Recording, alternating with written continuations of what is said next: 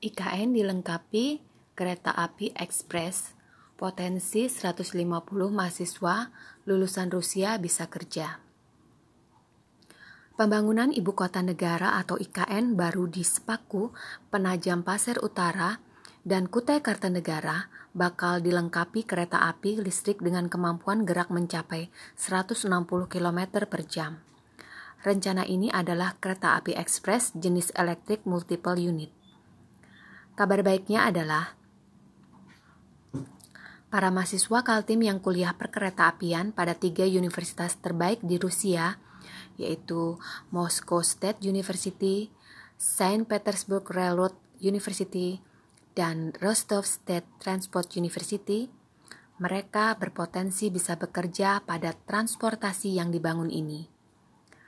Ada 150 anak Kaltim yang dikirim untuk studi ke negeri beruang putih itu dalam tiga angkatan, yang masing-masing angkatan terdiri dari 50 orang.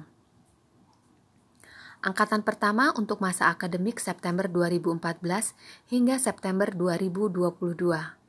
Angkatan kedua Juli 2015 hingga September 2021. Dan angkatan ketiga Juli 2016 sampai September 2022.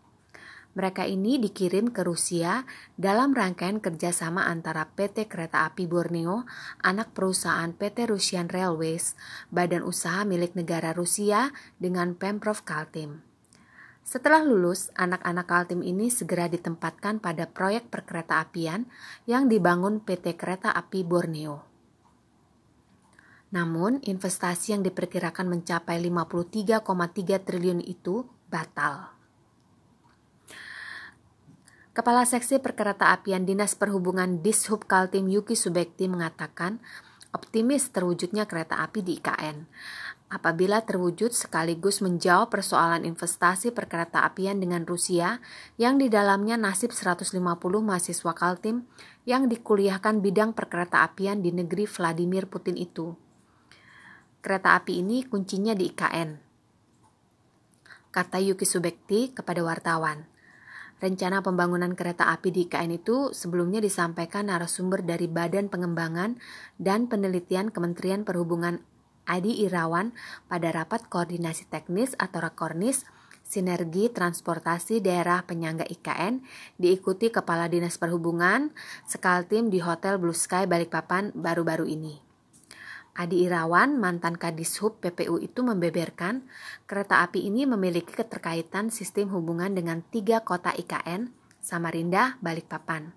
Keterhubungan IKN dengan wilayah sekitar Kukar, Kutai Barat, dan PPU. Di Indonesia, kereta api EMU ini sudah ada dan melayari rute Jakarta Bogor Depok, Tangerang Bekasi, dan Moda Raya Terpadu Jakarta.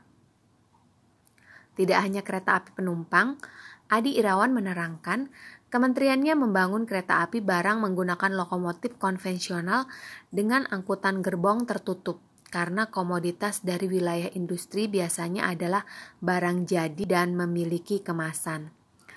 Rencana ini sejalan dengan keinginan masyarakat transportasi Indonesia yang mendesak pemerintah agar melengkapi pembangunan IKN dengan kereta api.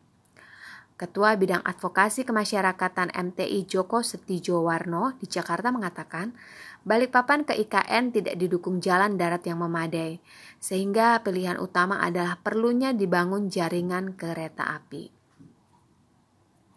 Sumber berita ini dari kaltim.prokalko.